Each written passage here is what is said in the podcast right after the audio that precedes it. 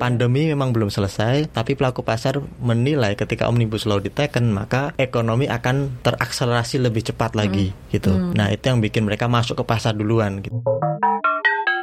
Karena memang benar Lin, jadi sejak uh, market crash itu, IBE itu laporannya bilang bahwa investor retail itu naiknya luar biasa, meningkat, gede gitu. banget. Nah, memang apa sih Mas dampaknya Trump untuk menyetujui bahwa ada stimulus Covid untuk masyarakat Amerika gitu? Koneksi. Konten ekonomi seksi. Halo Sobat Cuan. Halo Sobat Cuan. Ada Ali. Ada Nova. Dan Argun, Dan kita ada di Koneksi Konten Ekonomi Seksi terakhir di, Di akhir. tahun 2020.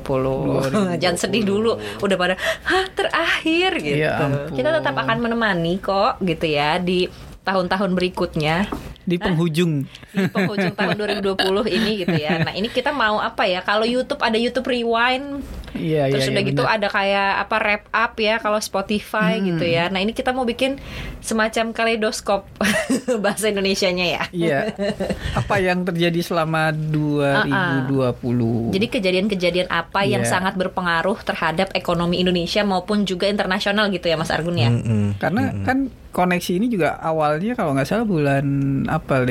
Koneksi itu dari Juli. Oh, dari Juli ternyata. 15 Juli Wah, kayak 2020. ternyata Ini Iya. sudah di Desember ya Sobat Cuan ya. Nah, apa aja sih yang harus di highlights gitu ya atau Hmm. yang mungkin kalau misalnya Sobat Cuan apa namanya lupa kita ingatkan kembali gitu karena kan kalau kata Presiden Soekarno kan jas merah ya jangan Iya. melupakan sejarah gitu walaupun ini baru terjadi beberapa bulan yang lalu gitu ya tapi alangkah lebih baiknya kalau misalnya kita tahu informasi juga nih nanti dari Mas Argun gitu apa yang apa namanya apa yang perlu di highlights gitu dan ini mungkin bisa jadi uh, apa ya pertimbangan sobat cuan memilih langkah di tahun depan gitu ya Betul, Mas kejadian-kejadian Argun dan Mas besar Nova. ya. Mm-mm. Jadi apa dulu nih Mas yang harus kita highlight selain corona? Tahun ini kan Sepanjang- highlight besarnya adalah Iya. iya COVID-19 gitu ya. Tertutup semua. iya, itu problemnya. Kalau kita bicara 2020, narasi utamanya itu corona, nggak ada yang lain gitu. Eh, kabar buruk muncul terkait corona, kabar baik yang ada di tahun 2020 juga masih terkait corona gitu. Nah, kalau misalnya kita disuruh nyari mana lima ter terpenting sepanjang termonumental 2020, gitu. termonumental yang mempengaruhi pergerakan bursa saham terutama, ya kalau saya ngelis sih ada beberapa paling utama pastinya COVID. Di Indonesia pada tanggal 2 Maret kan baru ditemukan. Nah, ini saya Ada pikir kasus ini pertama gitu ya ya. kasus pertama yang di Depok. Pasien zero ya kalau istilahnya ya. Zero atau satu? Sa- Pasien 1 2 3. 01 ya. Heeh. Ya ya. 0102. Itu jadi pemilu lagi ya gitu ya. Itu udah satu kabinet udah. Udah satu. Iya, eh, ketika itu ditemukan saat itulah maka seluruh masyarakat Indonesia tahu bahwa wabah ini memang Sudah meluas, sampai gitu. sudah sampai di negara kita dan itu membalikkan beberapa narasi yang dibuat oleh pemerintah Kemenkes saat itu yang cenderung menganggap Kita pandemi ini ringan dan kita aman, anti corona, nasi kucing udah cukup, sinar matahari dan sebagainya. Eh, tujuannya bagus sih mungkin untuk bikin masyarakat tenang, tetapi ya ketika hal terj- yang terjadi sebaliknya ada kasus dan kemudian mele- melebar, ya akhirnya masyarakat jadi panik, Panik dan semua. kepanikan itu kalau untuk bursa saham terefleksi sejak 2 Maret itu dan puncaknya 24 Maret. Jadi sekitar 22 hari setelah itu saham tuh turun terus sampai mencapai level terendah yaitu terlem pada 24 Maret ke 3911. Dari awalnya tuh 6.000 6.719. berapa Mas IHSG kita sebelum Eh, sebelumnya di level eh, lima ribuan, lima ribuan, Oh. tapi belum sampai enam ribu kalau nggak salah ya. Tak seingat saya sih itu. Nah anjloknya itu terendah sejak Agustus 2013 gitu. Nah ini yang bikin kita apa ya Sampai ke level berapa? 3.900 3000 ya? Enggak, Berarti jadi itu balik ke level tahun sekitar 2013. 2013. Hmm, mundur ya jadinya ya. Jauh kan? Nah, itu buat sebagian orang uh, musibah buat beberapa orang itu berkah Iya, buat sobat cuan yang baru tahu Yang baru investasi. mau masuk kan. gitu kan. murah Iya. diskon Buat Ya, yang masuk betul. udah lama itu menghapus cuan-cuan selama sekian tahun. beberapa tahun Iya, itu dengan asumsi ada yang megang saham tertentu tahun 2013 dan belum dilepas sampai tahun 2020 ini Maret. Tapi kan biasanya nggak kayak gitu, jarang. biasanya yang mainnya panjang dia akan tetap eh, jaga itu saham karena yakin naik naik lagi. Tapi yang baru mau masuk itu emang berkah. Saham saham apa namanya? Iya. Unilever, Unilever, misalnya itu kan Itu murah banget. Banget. Ah, Pada masuk JBP. bahkan serok. ya bahkan saham-saham perbankan yang pada saat itu dalam tanda kutip mau mau beli aja mikir Iya. wow kemarin pas drop juga artinya ada selalu ada peluang di balik krisis gitu kan kalau kita lihat juga kan ada yang bisa memanfaatkan peluang itu nah yang pas covid itu gue inget banget tuh awal-awal kasus pasien 01 gitu kan kita breaking news bahwa ada segala macam gitu. Itu sampai satu minggu selalu kita terongkrongin tuh Mm-mm. breaking news. Dan pada saat itu masih clear banget ya kaitannya. Misalnya pasien 01 eh, dan 02 itu satu rumah. Terus pasien 03 berinteraksi dengan ini. Mm-mm. masih Oh, bisa ter uh, tracing Ter- dengan baik tertracing gitu gitu, Art- Iya. apa eh, jenis kelamin usia gitu kan di kawasan mana segala macam. Itu hampir sampai seminggu. Kemudian karena memang sudah eh, terlalu nggak mungkin di trace segala macam sudah terlalu eh, penularannya sudah terlalu masif ya udah akhirnya pengumumannya hanya sebatas angka kemudian Mm-mm. kan. Setiap hari ada announcement setiap gitu hari ya. selalu ada announcement macam. penambahannya berapa gitu kan. Terus udah gitu uh, yang sembuh berapa gitu ya. Awal-awal dulu tuh kita sempat gue tuh sempat ngerasa kayak di ini loh. Kayak tinggal di kayak Hunger Game gitu loh di distrik 13 ada pengumuman gitu ya pemerintah tiap hari kan siapa ya kan? yang Eh, eh, ya. ada broadcast dari PNM gitu. Mengumumkan gitu kan siapa yang akan maju ke Hunger Iya, iya, Game iya. gitu kalau ini adalah uh, apa namanya menginformasikan total uh, apa namanya berapa orang yang sudah terjangkiti COVID-19 terus udah gitu korban jiwanya sudah berapa yang sembuhnya berapa gitu. Ketika itu gue sempat berasa kayak gitu gila ini sampai kapan gitu. Mentally emang down banget ya maksudnya Ya. kita Khawatir kita juga ya. khawatir yang beraktivitas dan segala macam gitu ya. Waktu itu belum cuap-cuap belum ada ada setelah Oh setelah, itu 15 Setelah Maret itu. lah baru ya, Mm-mm, baru kita ada. Ya awal-awal Maret tuh ya saya ingat kita tuh kayak bertanya-tanya ini seberbahaya apa nih virus ini? gitu. Iya. Dari Cina juga waktu kabarnya udah di, udah diberitakan tapi juga simpang siur katanya airborne, ada yang bilang Iya, nggak betul. airborne. Ternyata beneran airborne gitu kan. Kemudian eh, WHO pernyataannya juga berubah-ubah. Jadi emang kita seolah-olah dihadapkan pada kondisi yang bener-bener kita nggak ngerti gitu. Fluktuasi Iya, iya. saham makanya saya tuh gede banget. Ya makanya tadi eh, sekitar 5.100 pada saat eh, ditemukan itu 2000 eh, 2 Maret itu kan udah anjlok sampai 3.100 dan yang di awal tahun 6 ribuan ali 6.200 IHSG. Jadi hampir itu separohnya itu IHSG terpangkas hanya dalam waktu 20 hari. 20 hari ya karena kekhawatiran itu kan Iya, karena ketidakpastian itu kan musuh utama market gitu. Mm-mm, gitu ya. Jadi tapi dibalik itu kalau nggak salah terus kemudian harga emas naik. dung, dung, dung, dung, Iya. 1800 sempat 2000 tertinggi lah. gitu ya Ya sekarang emas mulai turun lagi di 1900. Karena Iya, bursanya iya. sudah bergairah lagi. Sudah bergairah sudah lagi. bergairah lagi oke Gitu, itu ya Cuan ya. covid tuh Jadi itulah eh, apa namanya salah satu momentum kebangkitan investor lokal kayaknya. yang telat masuk, yang belum masuk. yang, belum yang telat masuk. masuk gitu kan Nah, sudah udah Kayak bisa gitu. yang telat yang telat angkatan gitu kan bisa ngambil Mungkin sobat cuan juga adalah salah satu angkatan ini ya, apa Iya. market 2020 ya, Iya. Ah, gitu. Ya nggak apa-apa gitu kan, karena berinvestasi ke berinvestasi itu paling bagus adalah waktunya sekarang, Nah. gitu. Ya? Katanya. Hmm, hmm. lanjut Nah. apalagi Eh, Mas, market crash ini kan nggak cuma di bursa Indonesia aja gitu ya, Eh, eh, di bursa-bursa lain juga gitu. Tapi eh, yang paling parah tuh ibaratnya gitu penurunannya itu di mana sih? Ada nggak kayak datanya atau risetnya gitu? Nah itu harus cek lagi sih saya. Oh, Tapi uh, overall semuanya merata. hampir setengah juga gitu kan Iya. kalau kayak IHSG kan hampir Hampir setengahnya, setengahnya, gitu. iya. Jadi seluruh dunia juga emang uh, rata-rata tertekan karena uh, ada kesamaan narasi gitu. Musuhnya itu sama, jadi nggak tiap negara beda-beda. Kasusnya misalnya kalau tahun 2019 musuh bersamanya kan perang dagang. Ya, ya. Jadi ada kabar positif terkait perang dagang, katanya uh, Cina uh, batal mengenakan tarif misalnya, bursa saham di seluruh dunia menguat termasuk Indonesia. Nah di tahun 2020 ya itu storynya COVID perkembangan kasus, temuan uh, vaksin itu yang mempengaruhi pergerakan bursa nggak cuma di Indonesia tapi seluruh dunia. Mm-mm, global. Karena semua orang ya mengalami atau menghadapi musuh yang sama, Sama. itu tadi. Gitu. Jadi memang apa ya tahun 2020 ya tahunnya pandemi gitu.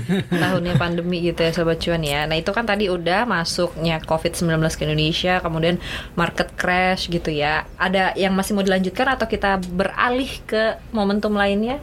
Ya momentum lainnya sama masih terkait COVID. Masih terkait COVID juga apa mas? Eh, itu ketika Anies Baswedan Gubernur DKI mengenakan rem darurat Oke. itu bulan September tanggal 10 Mm-mm. itu IHSG anjlok 5% dalam sehari Mm-mm. 4.891 levelnya itu gara-gara ya Anies mengatakan ya kita akan mengenak, me- apa, mengambil rem darurat karena kasus COVID meningkat terus jadi rem darurat artinya akan ada pembatasan kegiatan ekonomi bisnis dan itu buat pelaku pasar sangat mengkhawatirkan karena kinerja eh, emiten-emiten yang selama Itu ini waktu itu tertekan mulai agak pulih ya kalau nggak salah ya. Arahnya- agak sedikit naik ya di September, terus kemudian anjlok lagi ya setelah. Ya, COVID itu ya itu secara gradual naik terus angkanya gitu.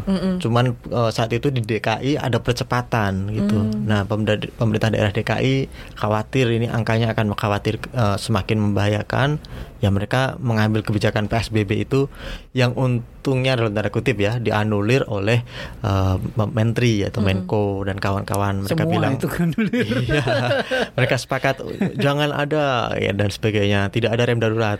Jadi dalam waktu sehari emang ya ISG balik lagi. Recover lagi. Jadi kalau nggak salah nah, awalnya itu kan setelah kemudian kejadian di Maret, terus ada naik, terus eh, penerapan PSBB awalnya kan, penerapan PSBB terus ada PSBB transisi. Nah setelah Ya. PSBB transisi ini naik Tadi harapannya setelah transisi pulih, pulih gitu kan, kan, dicabut Nah, PSBB. kemudian ini justru setelah- pada saat transisi naik terus bilang tarik rem darurat, Darurat. gitu Hmm. kan Iya. eh nggak jadi rem darurat transisi lagi gitu.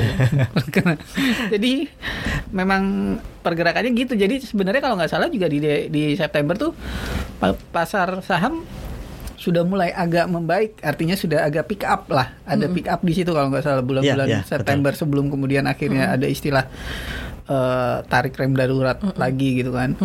Mungkin yang yang di highlight juga ketika eh, pertumbuhan ya mas ya angka pertumbuhan misalnya di kuartal 1, kuartal 2 gitu kan Iya. Targetnya kita awal tuh berapa pemerintah eh, optimisnya di 2019 kan ada tuh Sem- di APBN 2020 ya RA ya iya. 2000 APBN 2020 eh, in- ininya asumsi makronya itu pertumbuhan ekonomi 5,3 persen pada akhir tahun 2020. Saat itu belum ada Saat pandemi itu tuh. belum, ya Hmm, masih sangat optimis ya. optimis nggak akan masuk ke Indonesia Mm. Kemudian kita dihadapkan kepada kenyataan Iya. bahwa kuartal 1 pertumbuhan ekonomi kita Minus. minus berapa, Mas? Eh kuartal satu masih positif, Masih masih positif. positif. Kuartal kedua baru eh, minusnya lima persenan. iya Teman 5 pastinya persenan ya. seberapa? Cuman seingat Iya, saya iya. lima persenan. kuartal ketiga Kuartal 3 minus 3,49. oh Kalau kuartal 2-nya 5,32 minusnya. minusnya lebih baik lah ya Ya, jadi masih turun eh, tetapi eh, lajunya melambat. Jadi kalau jatuh ya sakitnya nggak banget banget gitu dibandingkan sebelumnya. Cuman dibilang pulih belum. belum ya memang Belum tumbuh. iya iya iya iya Kan kemarin tuh sempat juga ya salah satu berita yang juga jadi breaking news gitu ya di tidak hanya media ekonomi seperti CNBC Indonesia, tapi media-media nasional lain gitu di Indonesia adalah Omnibus Law, pengesahan Omnibus Law dan juga apa demonstrasi yang mengikutinya gitu. Iya. sampai bentrok ya Mm-mm. Ya itu saya Di pikir COVID ya, gitu Iya. demo tetap ada gitu. Ya saya pikir itu juga momentum yang mengubah ya game changer di market Omnibus Law pada tanggal 2 November kan diteken tuh. Nah ISG langsung naik balik lagi ke level 5100. Jadi sebenarnya sentimennya tuh positif ya kalau market ya ma- ma- apa namanya merespon omnibus law ini gitu ya Mas ya. Mm-mm, mm-mm. Tapi kan ada yang mengikuti setelah itu gitu bahwa stabilitas nasional agak terganggu, ada demonstrasi, protes di sana sini gitu. Itu tercermin juga nggak sih di marketnya gitu ketika saat itu atau lebih ke positifnya aja? Iya, kalau kita melihat tren pergerakan market sih ya memang volatil, tetapi ditarik garis bulanan itu sebenarnya masih positif. Jadi ketika RUU Ciptaker diteken Pak Jokowi tanggal 2 November yaitu ISG naik ke dari 5100 sebelum diteken ke kalau 21 Desember itu sudah 6195. Itu level tertinggi sejak pandemi gitu. Jadi bisa dibilang optimisme pelaku pasar itu sudah sudah pulih pada November ini terbantu oleh Omnibus, Omnibus Law. Law ini gitu ya. Pandemi memang belum selesai, tapi pelaku pasar menilai ketika Omnibus Law diteken maka ekonomi akan terakselerasi lebih cepat lagi gitu. Nah, itu yang bikin mereka masuk ke pasar duluan gitu. Jadi saya pikir RUU Ciptaker ini bisa dibilang sebagai game changer lah. Selain eh, tadi rem darurat DKI, kemudian juga pengumuman eh, COVID pertama pada Maret tadi itu. Mm-mm, gitu. Ini boostnya juga gitu ya di tengah kondisi kayak gini ya omnibus Iya. law ini ya gitu ya. Karena eh, ini nggak sih mas omnibus law tuh lebih yang menyambut baiknya lebih ke investor asing nggak sih kalau misalnya dilihat gitu? Ini ini ada dua pandangan gitu ya. Ada yang menilai bahwa omnibus law ini akan sangat membantu Indonesia untuk melompat gitu. Karena selama ini kan kita ketinggalan kalau urusan birokrasi, perizinan, perundang-undangan eh, banyak banget kalau misalnya mau bikin apa pembangkit listrik gitu Iya. misalnya perizinannya itu ada puluhan. Nah, dengan omnibus law ini diharapkan lebih cepat. Eh, tetapi di pihak lain ada yang menganggap mungkin tujuannya bagus tetapi eh, pasal per pasal itu ada masalah gitu. Misalnya ya kalau dulu memang yang rame kan masih direvisi sana sini ada berapa versi, berapa enam yang seribu lembar, ada yang sembilan ratusan lembar. Nah, itu yang bikin eh, orang masih bingung gitu. Dan orang-orang pun menilai ada beberapa pasal yang cenderung terlalu memberikan keleluasaan pada investor atau perusahaan besar dibandingkan dengan ya misalnya UMKM, kepentingan masyarakat dan sebagainya, ketenaga kerjaan misalnya. Ya ini memang debatable dan selalu ada pro dan kontra dalam setiap undang-undang gitu. Eh, tetapi eh, ada harapan bahwa lubang-lubang yang ada di undang-undang Ciptaker ini itu bisa ditambal ketika nanti pasal-pasal teknisnya keluar Peraturan pemerintahnya. ya. peraturan pemerintahnya keluar di situlah nanti ada detil-detil yang mengatur lebih rinci menunjukkan bahwa eh, kekhawatiran sebagian kalangan tadi itu ternyata tidak beralasan. Jadi ya memang harus kita pantau. Dan sekarang masih banyak tuh pasal yang belum keluar. Kemarin baru dua kalau nggak salah. Peraturan pelaksananya yang udah di- dikeluarkan. Yang harus dipantau terus. Tapi kalau bicara eh, optimisme market ya memang setelah ada Undang-undang Ciptaker ini disetujui ya IHSG kita menguat ke level 6100 itu tadi saat 6195 level sebelum pandemi gitu. Karena ini membawa harapan baru juga gitu ya akan simplifikasi birokrasi Indonesia gitu. Jadi lebih gampang kalau misalnya investor mau investasi di Indonesia, kalau mau ngurus ini itu gitu. Enggak. Ya nggak sih, Mas? Iya. Jadinya. Apa Mas Novan mungkin mau menanggapi? Kalau- Kalau gue sih melihatnya kalau memang eh, di sepanjang 2020 ini ya yang yang memang menjadi sorotan itu kayak misalnya otak-atik anggarannya gitu kan karena kan dampak covid ini kan pukulannya ke anggaran kan serius banget kayak sharing burden di situ ada ininya ya mas ya. Maksudnya ada momen di mana pemerintah dan BI bilang sharing burden Kolaborasi. untuk nyari untuk nyari pembiayaan kemudian defisit eh, anggaran kemudian diputuskan untuk diperlebar yang biasanya harus di bawah 3% jadi 6% ya kalau nggak salah ya Hmm, Sekarang 6%. sekitar sekitar 6% gitu kan untuk sebagai respon eh, penanggulangan Covid ini kan. Jadi dampaknya memang kelihatan. Cuma mungkin kita perlu lihat di kuartal 4 nih. Kalau gue lihat sih emang eh, dari pasar saham juga pulihnya tuh udah mulai kelihatan nih di akhir tahun ini kan. Udah di level 6000 lagi, udah psikologis sudah akan balik lagi gitu kan. Kemudian di dari sisi pertumbuhan ekonomi kalau dilihat akan V shape nggak sih? Pulihnya mas. Kalau misalnya kan di kuartal 2 jatuh jatuh gitu kan terus naik pick up dikit gitu. Nanti kuartal 4 kalau misalnya apakah akan pick up juga atau kayak gimana gitu? Karena gua ngelihatnya sih sebenarnya tanpa kita sadari gitu ya ini tuh kita- juga lagi tarik rem darurat sebenarnya. Hmm? menurut gua ya Mm-mm. ketika berpergian kemudian eh, orang berlibur dikurangi gitu ya di akhir tahun kemudian ditambahkan aturan lagi bahwa wajib PCR atau dan segala macam tes rapid test. Kemudian eh, dari luar negeri juga kemudian akhirnya dilarang masuk nih Ditutup, di akhir tahun kan. Kita tertutup untuk luar negeri which is yang sebenarnya gue nggak tahu deh gue lupa apakah eh, di bulan-bulan sebelumnya kita pernah menutup eh, pintu Eh, kalau untuk di bulan-bulan sebelumnya itu boleh orang dari luar negeri datang tapi ada eh, kalau misalnya bukan WNI ya Iya. itu eh, ada urusannya Eh, masalah misalnya kayak dia adalah Diplomatik. tenaga kesehatan Oh, oke. atau urusan diplomatis gitu atau kayak NGO gitu-gitu tapi kalau untuk wisata memang udah ditutup dari dulu gitu nah Untuk ini kan wisata kemarin memang eh, belum eh, boleh, ya. kalau Ya. Bu Menlu kan kemarin ya kalau misalnya ada, eh, dari pernyataan Bu Menlu yang kemarin tuh kayaknya gue menangkapnya bahwa memang benar-benar tidak ada arus keluar masuk gitu oh Uh, uh, maksudnya uh, orang asing memang dilarang masuk apa pun purpose-nya gitu. Iya, Kalau iya, dulu iya, kan iya. hanya wisata yang dibatasi gitu. Gitu sih kayaknya. Iya, jadi gue melihatnya nih sebenarnya tanpa kita sadarin pun juga sebenarnya lagi tarik rem darurat cuma, Cuma karena itu nggak- tidak di-announce gitu Iya, ya sama pemerintah gitu. Jadi nggak panik ya udah juga nggak usah di nggak usah di announce saja supaya orang nggak panik. Tapi kalau dilihat pergerakannya sekarang hari ini kan negatif juga ya responnya ya sebenarnya.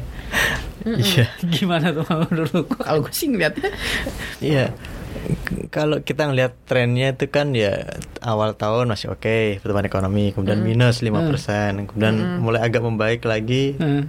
minus 3 persenan Iya, tadi. heeh. Nah, kuartal 4 kemungkinan minus 2 persen kalau kita mengacu pada proyeksinya Bu Menkyu. Jadi ya mungkin yang terdalam palungnya itu pada kuartal 2 tadi Iya, minus yang 5 persen. 5% tadi ya. Kemudian mulai berbalik lagi kuartal 3 dan 4. Tetapi f- ya ka- kalau skenario yang terjadi adalah seperti harapan, vaksin tadi muncul, beredar, kemudian ampuh, ke- eh, peredaran eh, eh, virus itu bisa ditekan. Ya akan ada kebangkitannya di 2011 nanti. Jadi mulai 2021. positif lagi eh, ya dua, sorry 2021 pada pada kuartal 1 atau kuartal kedua. Iya, iya. Eh, tetapi kalau skenario sebaliknya yang terjadi yakni vaksin ini kan sebenarnya vaksin darurat nih. Iya betul. Jadi fase uji ketiga itu eh, di Amerika FDA itu ngasih persetujuan untuk ada embel-embelnya untuk eh, kepentingan darurat. Darurat. Iya, Jadi betul. itu menunjukkan bahwa vaksin ini belum teruji secara sahih seluruh dunia gitu. Betul. Karena kalau vaksin yang sekarang apa dipakai untuk untuk anak-anak bayi di Indonesia Hmm. misalnya BCG, difteri itu kan sudah diuji untuk semua ras gitu. Jadi uji Dan- klinisnya itu udah jutaan orang mewakili semua ras gitu. dan dan sudah berlangsung bertahun-tahun Iya. mengalami perbaikan, Yes. mengalami ada apa segala macam, ada kurang apa di- disempurnakan gitu. Ah, kan ada ya. booster-booster gitu kan untuk Iya, menyempurnakan. Nah, vaksin yang ini kan belum gitu. Kekhawatirannya kalau memang ternyata ada backlash gitu. Jadi ternyata ada efek samping. Ah, Beberapa kabar berita kita lihat kan ada yang mohon maaf di Israel bisa ada yang meninggal karena lanjut usia katanya. Serangan jantung dua jam setelah divaksin. Kemudian di Brazil juga sama. Kema- kemarin di Amerika ada beberapa tenaga kesehatan dua orang kalau nggak salah yang menunjukkan gejala serius efek samping. Kalau ini berlaku masif efek sampingnya, maka eh, sentimen akan berbalik. Maka V Keraguan itu ya. akan tertunda. Oh, Jadi kemudian mungkin Turun kuartal lagi. satu kita ngeliat turun lagi pertumbuhan Hmm. ekonomi kita. Hal serupa juga terjadi di ISG. Hmm. Nah ini yang harus diantisipasi, diwaspadai. Kalau saya, saya masih melihat ada risiko.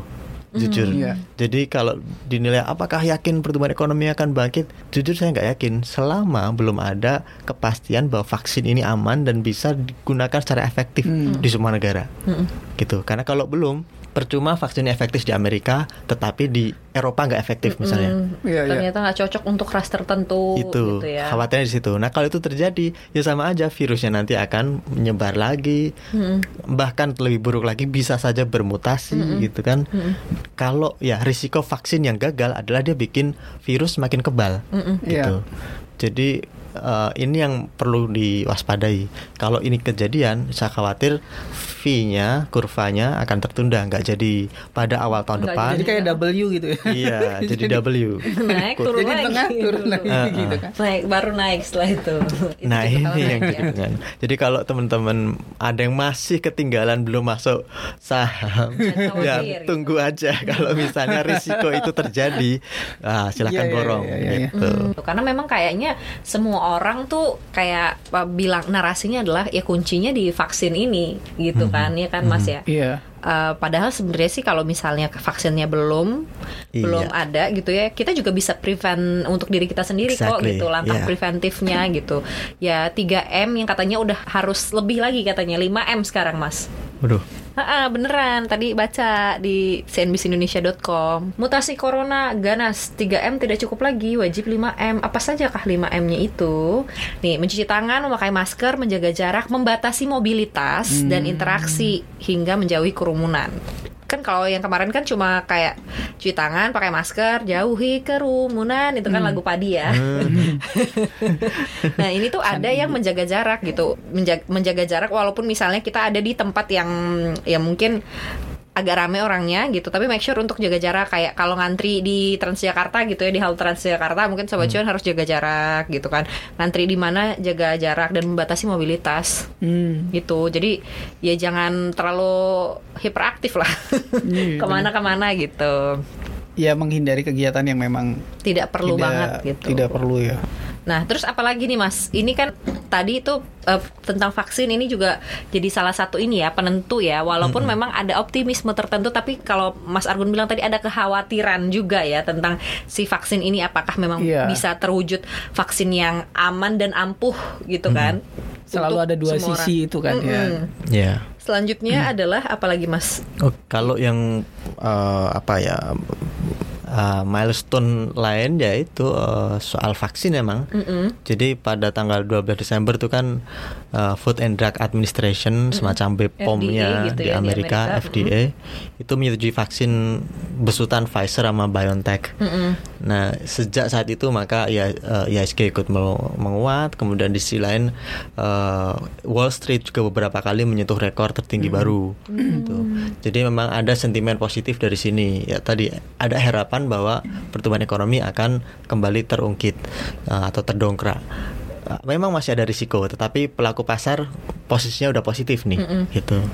Nah, kemudian faktor vaksin ini ditambah dengan kabar baru beberapa hari la- lalu, dua hari yang lalu, Trump menaikkan kesepakatan stimulus. Hmm, akhirnya ya yang setelah Iya, setelah berbulan-bulan debat. Ya kan dia tinggal gitu. menghitung hari. Iya, iya, iya, enggak, enggak. Bisa aja itu hadiah ya, quote unquote gitu.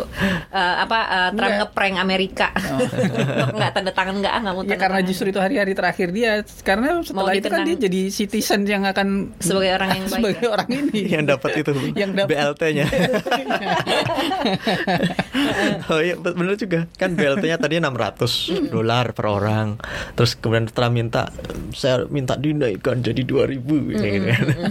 2000 dolar per orang, hampir dua kali lipat lebih gitu. Iya. Nah, emang buat itu nyaris ke semua warga Amerika yang dapat. Ya bisa jadi Trump juga ikutan dapat. Karena dia itu ya salah satu warga Amerika juga nanti setelah dia pensiun gitu. ya. Iya. Nah, memang apa sih Mas dampaknya eh, apa namanya Trump menaikkan stimulus Amerika gitu, menyetujui bahwa ada stimulus Covid untuk apa masyarakat Amerika gitu. Iya, ini tuh kebijakan helikopter uang gitu kan. Oh, Kita sama seperti yang dilakukan pemerintah kita gitu ya. Iya, pemerintah kita kan memperlakukan itu. Intinya adalah eh, kalau orang lagi nggak bisa ngasilin uang, ya udah kasih uang aja gitu. biar spending ya Biar spending. Karena kan di Amerika 70% produk domestik bruto atau perekonomian mereka itu disumbang dari konsumsi gitu. Kalau kita masih 52 53 persen gitulah. Kalau dia udah 70 ya tadi. 70 persenan. Wow. Jadi ya memang udah gede dan makanya ketika konsumsinya anjlok, PDB juga anjlok gitu. Jadi ini hitung-hitungan di atas kertas saja. Kalau naikin PDB, cara mudahnya ya Naikkan genjot konsumsi. konsumsi, gitu.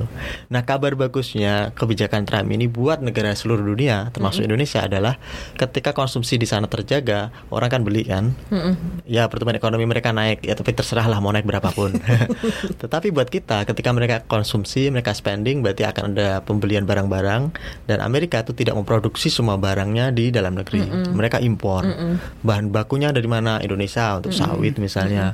Eh, ongkos apa ongkos produksinya masih eh, di, di apa namanya dibakar pakai batu bara gitu. Beberapa sebagian misalnya diimpor dari Indonesia. Indonesia. Kemudian misalnya tekstil, pemasoknya juga Indonesia gitu. Jadi kalau konsumsinya masih terjaga ya ada harapan bahwa negara-negara lain mendapatkan Cipratan gitu Iya, ya. efek cipratnya atau multiplier efek gitu. ya dikit-dikit dapatlah kita permintaan eh, sawit naik. Jadi itu membantu mengurangi tekanan ekonomi di kita juga gitu. Hmm, gitu. ya sobat cuan ya. Jadi eh, kayak efek domino ya nggak sih? Kayak ini satu Hmm, terus ke mana-mana merembet gitu. Jadi terima kasih nggak nih sama Trump? Nggak ah tetap nggak terima kasih. Karena kelakuan dia sebelum-sebelumnya.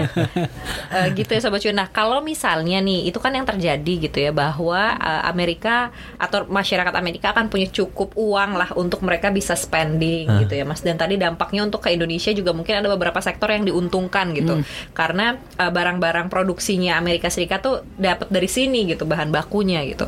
Nah kalau untuk sobat cuan pribadi gitu ya, untuk kita juga investasi gitu ya, investasi apa nih di tahun 2021 yang mungkin akan sangat terdampak nih sama si stimulus Amerika ini gitu. Kalau menurut saya dengan kondisi yang kayak gitu, emas itu menjadi kurang menarik. Hmm, kenapa?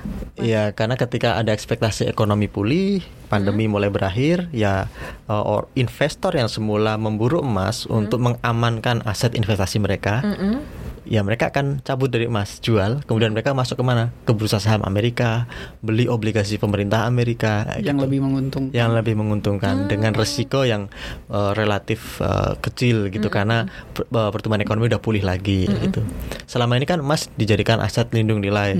Ketika situasi krisis belilah emas gitu. Karena ya orang-orang berduit semuanya berpikiran sama, emas tuh paling aman. Ya, mereka kan beli emas. Di Amerika sampai sekarang masih masih terjadi. Meskipun mereka belinya kadang beli ETF-nya juga Hmm. ETF kayak reksadana. Oh reksadana tapi Iya, emas, reksadana. emas Tetapi underlying asetnya itu dibelikan ke ya aset emas gitu. gitu. Oh, Nanti gitu. kapan-kapan minta dibahas aja. Oh gitu ya. Jenis soalnya kan reksadana kalau di Indonesia kan ada campuran reksadana saham, Heeh. reksadana pasar uang. Iya. nggak sih tiga itu Iya. doang kan? Heeh. Oh kalau di sana ada ya reksadana Ya yang ETF bentuknya ininya. Oh, ETF Exchange oke. Traded Di kita Fund. juga sudah ada kan ya, ada ada produk-produk ETF itu ya. ETF ada kita, tapi yang emas khusus emas Belum. kok saya setahu saya belum, Belum. ada. Oh gitu, belum ada. ETF. Saham. Oh oke. Kebanyakan di saham, Di saham. indeks. gitu. Hmm, gitu. Nanti, Nanti kita, kita. ada khusus reksadana. Karena gini, beberapa ya kan karena gini, eh, mungkin sobat cuan kalau misalnya ngeliat Instagram gitu ya atau ngelihat sosial media Hmm, dan website-website gitu, ini tuh lagi gandrung banget saham deh. Pokoknya edukasi mengenai investasi saham itu lagi eh, lagi banyak banget gitu. Loh, karena memang bener Lin. Jadi sejak uh, market crash itu, it- uh, BEI itu laporannya bilang bahwa investor retail itu naiknya luar memang biasa, meningkat gede gitu. banget. Nah itu dia tapi gitu eh, kemarin gue sempat baca Heeh. baca eh, salah satu artikel gitu bahwa ini kan bisa aja orang yang memang eh, momentum aja ya kayak lagi murah nih Oh. masuk gitu kayak kita belanja apa pun nih kayak wah lagi diskon gitu belanja masuk. Sementara yang namanya investasi itu kita juga harus teredukasi dengan baik gitu. Kita harus punya ilmunya juga gitu sobat cuan. Dan mungkin dari investor retail ini yang banyak ini ada yang cuma ikut-ikutan karena emang lagi iya, murah iya. ya udah gue investasi di situ gitu. Nah kemarin itu di artikel yang gue baca gitu sebenarnya kalau misalnya lo mau investasi ini Hmm. kalau misalnya belum punya ilmunya gitu ya saham gitu ya belum mau belajar Masuk atau gimana ITF. itu adalah mm, reksadana gitu. Ya. Nah mungkin Reksadana. eh, reksadana ini yang paling apa ya returnnya juga cukup baik gitu dan juga Iya. nggak usah harus belajar belajar banget gitu. Nah nanti mungkin kita akan ini ya bahas tentang reksadana inilah di koneksi gitu. Kalau misalnya sobat cuan oke nih kita bahas reksadana boleh di DM ya at cuan atau yang lain-lainnya boleh boleh gitu. Gitu ya Mas ya. Jadi emas itu akan sangat tidak menarik gitu. Kalau gue sih Ya. kayaknya gue akan masuk ke emas di tahun depan karena kan harganya jadi turun ya. ya udah. Buat simpenan aja tabungan. Eh, cuman nggak menariknya untuk jangka pendek ya. Jadi kalau ngejarnya capital gain, capital Iya. gain itu keuntungan dari sisi transaksi anda eh, entah rentang berhari sehari dua hari. Nah itu kurang menarik. Tapi untuk jangka panjang satu tahun ya itu Mas masih tetap unggul terhadap inflasi terutama. Jadi inflasi kita berapa taruhlah tiga persen ya Mas di atas itu keuntungannya.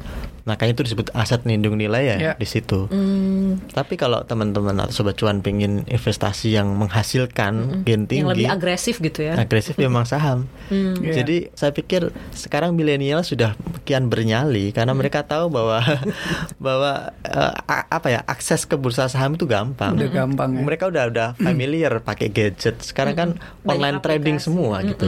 Hmm. Sekuritas yang nggak punya online trading itu udah hampir mati pasti gitu. Ya mereka hanya men- men-serve beberapa investor institusi yang itu itu saja. Tapi kalau kita bicara investor yang retail besar yang punya eh, apa namanya alat Iya. transaksi online itu yang unggul. Sekarang misalnya beberapa Mirai, iPod, mereka tuh eh, Indo Premier, kan mereka udah punya ya beberapa lah banyak Mansek dan kawan-kawan. Itu mereka punya semua online trading dan mereka jadi yang teratas nih di bursa untuk brokerage dari sisi volume, dari sisi nilai. Mereka tuh bersaing gitu. Karena online trading itu emang bener-bener game changer di bursa saham. Karena jadinya mem- memudahkan akses eh, para investor juga gitu Iya, ya ke iya. bursa saham gitu. Selama ini orang nggak berani investasi di saham karena berpikir Susah, ribet, ribet, uh. susah. Eh, sell and buy-nya harus nelpon dulu. Zaman dulu harus Oh, nelpon. gitu ya, Iya, dulu ya. harus Oh. konfirmasi. Halo Pak, saya mau beli Uni- Unilever. Harga Itu berapa? ID-nya berapa gitu ya? Oh gitu. Jadi kita berapa, kita juga bisa berapa? kan kalau misalnya sekarang kan online kan kita bisa kayak ketik aja kan lu mau Iya. uh, sell di mana gitu. Kalau dulu harus ini dulu. harus nelpon. Iya. Berarti itu dong sekuritasnya bisa dalam kat, dalam tanda kutip gitu tipu-tipu dong. Mhm, dulu banyak. dulu. Mumpung- Oke. Untungnya sekarang udah gak ada ya. Jadi saya bisa bilang dulu banyak. Oh, beruntunglah kita ya sobat cuan ya. Walaupun mungkin ilmu kita baru cetek aja gitu ya, tapi setidaknya ada transparansi. Jadi kita Iya. tahu apa yang terjadi gitu. Ya. Oh. Kalau balik lagi tahun 80 lebih sedih lagi, Lin. Kenapa tuh gimana, Mas? Jadi trading saham itu masih dicatat gitu. Hah? Kayak pembukuan gitu. Iya. Iya, kalau trading itu beli di, ini, lantai toko. bursa. Eh-eh. Teriak-teriak, sell Astra, buy Astra. Oh gitu. Iya, pada ngacung terus ngasih kertas ini, Oh. ordernya segini, terus dicatat, dicatat. kayak ada film-film di bule ininya zaman dulu gitu tuh. ya. yang Iya. gitu-gitu Di kan. rekapnya baru di Direkap. ujung perdagangan. Ah gitu. Ya bayangin kalau ada eh, yang stres kertasnya dimakan udah. gitu. Bukti pencatatannya. Luar biasa ya, tapi Ke mana? berarti terima kasih teknologi ya. Kita Iya. jadinya apa-apa jadi lebih mudah gitu. Makanya Sobat Cuan. handphone tuh istrinya jangan cuma sosial media doang, aplikasi trading udah banyak. Iya, betul. gitu. Nanti kapan-kapan kita bahas deh gitu. aplikasi-aplikasi trading. Iya. Atau kalau misalnya ada yang punya aplikasi trading gitu mau placement, Iya. boleh. Iklan aja gue gitu ya. Gitu sobat cuan ya. Jadi ada um, apa saham gitu masih sangat prospektif untuk di 2021 ya, Iya. Mas Argun ya. Uh, Iya. Kira-kira apa lagi sih Mas Argun selain saham? Kalau menurut tren ya kita melihat juga obligasi pemerintah Hmm. gitu. Beberapa kali saya memantau surat berharga negara yang eh, tenor 10 tahun. 10 tahun itu yang maksudnya eh, ob- pemerintah nerbitin obligasi tahun ini. Hmm. Kemudian nanti dia akan nembus lagi surat utangnya dibayar lunas Hmm. 10 tahun lagi ke depan gitu. Nah, itu harganya itu terus menguat. Hmm. Yieldnya yield itu imbal hasil yang didapatkan oleh investor tiap bulan gitu semacam bunga atau bulanan eh, mirip deposito gitulah tiap bulan dapat itu dia eh, menurun gitu. Sempet di level eh, sebentar kayaknya level psikologisnya udah ter- eh, udah kelewat gitu. Eh, dulu pernah lima persen. Itu tiga atau empat hari yang lalu pekan lalu lah gitu. Sebelum Natal tuh udah pernah lima persen sebelumnya enam persen. Akhir tahun lalu tujuh persen. Artinya yieldnya turun. Tur- kenapa yieldnya turun? Karena harganya Naik. naik, gitu. Oke. kenapa harga naik? Orang beli gitu. Jadi eh, jadi kalau misalnya mau dapetin apa keuntungannya di dijual belinya aja gitu. Berarti lebih ke situ sekarang Iya. gitu. Daripada ngekip lama juga karena yieldnya juga nggak terlalu besar kan turun. yieldnya turun tetapi yaitu capital gainnya meningkat. Nah jadi kalau anda investor obligasi anda mendapatkan capital gain yang naik di sisi lain yieldnya masih dapat meskipun Masih dapat turun bunganya. gitu sekian Dan masih di atas point. inflasi juga. masih di atas inflasi tadi Hmm, gitu. Dan kan kalau resikonya obligasi karena kan itu Aman. yield itu kan juga menggambarkan risiko kan ya kalau nggak Iya, salah ya ketika iya. yieldnya Hmm, kalau berarti- yieldnya rendah berarti resikonya rendah gitu. kalau kalau yieldnya uh, tinggi risikonya berarti tinggi gitu. Jadi kalau obligasi yang jatuh temponya 30 tahun itu yieldnya 7% kenapa tinggi? Karena kalau orang mau nitip dana ke Makin lama, ya, makin lama. Ya berarti kan risikonya makin panjang. 30 tahun lagi akan ada apa? Jangan-jangan Indonesia perang. Jadi makanya dia minta yield yang lebih tinggi sementara obligasi yang satu tahun itu yieldnya sekarang 3% persen ya karena cuma setahun doang paling eh, si risikonya 1 2 3 4 terukur gitu jadi 3% masih di atas inflasi ya oke lah saya mau yang cuma setahun doang kayak gitu ibaratnya saya beli obligasi pemerintah satu tahun gitu. Mm. Tapi itu obligasi itu uh, ini kan ada nilai minimalnya kan, Mas? Iya, yang bisa terjangkau adalah ori. Ori. SBR. Jangan KW. Harus yang ori ya. Sorry. Tuh sobat cuan ya. Jadi itulah tadi apa forecast investasi dari Mas Argun. Jangan salah, uh, Alin. Jadi meskipun kita nggak bisa beli SBN, tapi ya tadi kita bisa memiliki aset investasi yang berbasis pada SBN dengan reksadana. Reksadana. Reksadana itu apa? Ya, yang yang apa? Reksadana pendapatan tetap, fixed income biasanya masukin obligasi. Kemudian reksadana terproteksi itu biasanya banyak obligasinya. Makanya orang kalau beli reksadana itu biasanya jarang rugi gitu. Kalau tadi tuh pendapatannya tetap ataupun terproteksi. Karena acuannya ya obligasi gitu. Dan ya saham juga, reksadana saham juga harusnya rame kalau teman-teman atau sobat cuan merasa masih ribet kerjaannya tuh nggak nggak bisa mantau saham tiap jam gitu. Ya beli reksadana aja. Ya, ibaratnya Anda nitipin duit diputerin sama orang-orang itu manajer investasi kan gitu. Dan apakah kalau IHSG turun maka reksadana pasti minus? Belum tentu. Belum tentu. Biasanya enggak malah. Karena apa? Karena MI itu dia investasi tidak membeli semua saham gitu. Maksudnya gini, IHSG turun 3% taruhlah. Apakah otomatis itu mencerminkan eh, aset yang dikelola manajer investasi? Enggak, karena dia enggak membeli semua saham yang Iya. jadi komponen atau konstituen IHSG. IHSG. Dia akan membeli saham-saham yang dinilai masih menguat. Jadi IHSG turun 3% kan ada saham yang menguat 5%, 10% gitu. Nah, kalau ada MI yang jeli ngambil saham-saham yang masih naik itu, ya maka dia kinerja uh, portofolio reksadananya itu outperform terhadap IHSG. Gitu. Dan itu Hmm, banyak. daripada Banyak. IHSG Iya. gitu ya. Hmm. Jadi teman-teman ya, sobat cuan yang pengen beli reksadana, ya itu bisa dapetin keuntungan meskipun IHSG masih minus gitu. Hmm, gitu. Ataupun bisa membeli reksadana eh, pendapatan tetap meskipun duitnya nggak cukup untuk beli obligasi tadi, tapi cuannya obligasi masih bisa didapatkan. Gitu. Nah itu dia ya. Nanti kayaknya kita harus punya sih Memang benar ya Satu episode reksadana gitu ya Sobat Cuan ya. Jadi Sobat Cuan tuh jangan Apa namanya eh, Saham-saham-saham aja gitu. Ada potensi lain Berinvestasi. Dan mungkin ini bisa dilakukan di 2021 gitu Sobat Cuan. Mungkin buat sobat cuan juga yang misalnya baru masuk eh, mau investasi, apakah tahun depan waktu yang mulai segala macam? Kalau gue bilang di manage aja eh, keuangannya juga, artinya dana-dana investasinya jangan semua blek langsung masuk pada saat ini gitu kan. Art- Money management itu juga penting juga pas investasi gitu kan, apalagi lu masuk misalnya ke eh, pasar saham gitu kan. Kalau misalnya memang lu lagi naik beli di eh, tempat-tempat bawah gitu kan ya mungkin bisa dapat untung jangan semua dibelanjain gitu kan. Kalau pas lagi hijau lu mau belanja apa artinya ada pengaturan pos-pos belanja mau belanja saham apa nih gitu kan. Jadi kalau- Strateginya harus ini ya Strategi ngatur uangnya harus benar gitu. Karena jadi kalau misalnya lu lagi pas beli ternyata besoknya turun turun turun turun lu mau Nggak serok lu nggak ada duit lagi? gitu. Modalnya nggak ada. Hmm. nggak ada modal gitu kan lagi mau mau average mau di average down sedikit aja kan paling nggak kan itu udah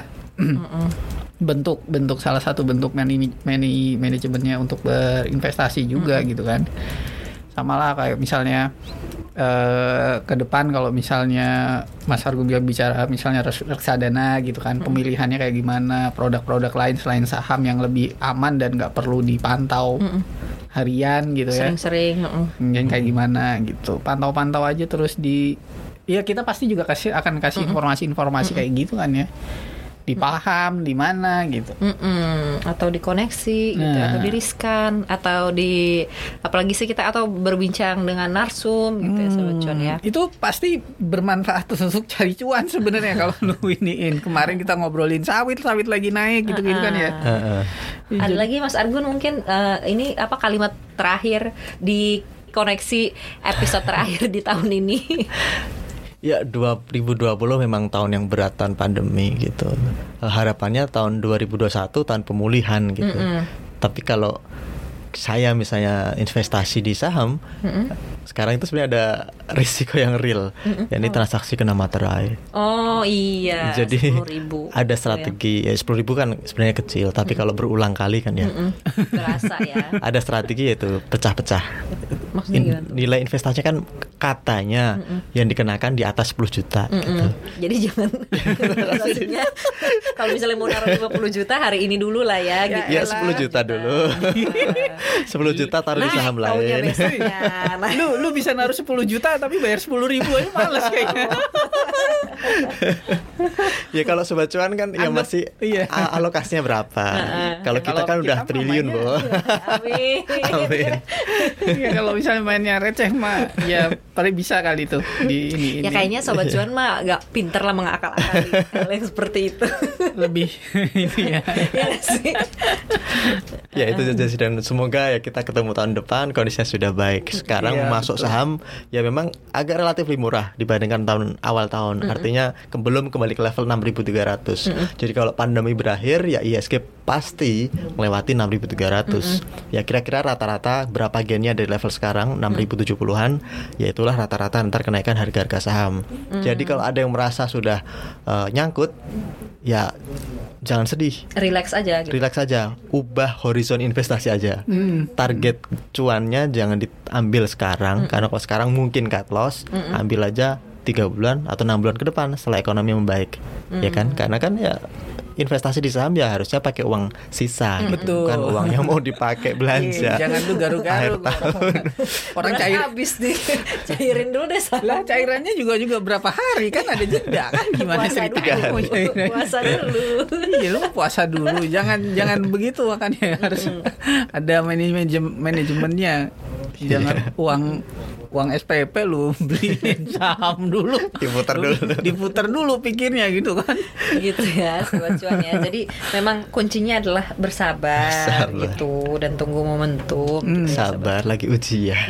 lagi ujian semoga Pandemi. lulus pandemi gitu. Mungkin So- ya selama satu lagi mungkin selain investasi peluang-peluangnya manajemen juga mungkin kita belajar dari pandemi sepanjang 2020 ini sobat cuan. Jadi kalau sobat cuan salah satu yang terdampak dengan pandemi dan sudah belajar mungkin ada ada baiknya juga eh, keranjang cash is king-nya atau ibarat kata buffer zone-nya zona aman untuk simpanan dan segala macam uang cash dan segala macam perlu ditambah ya ya silakan ditambah gitu.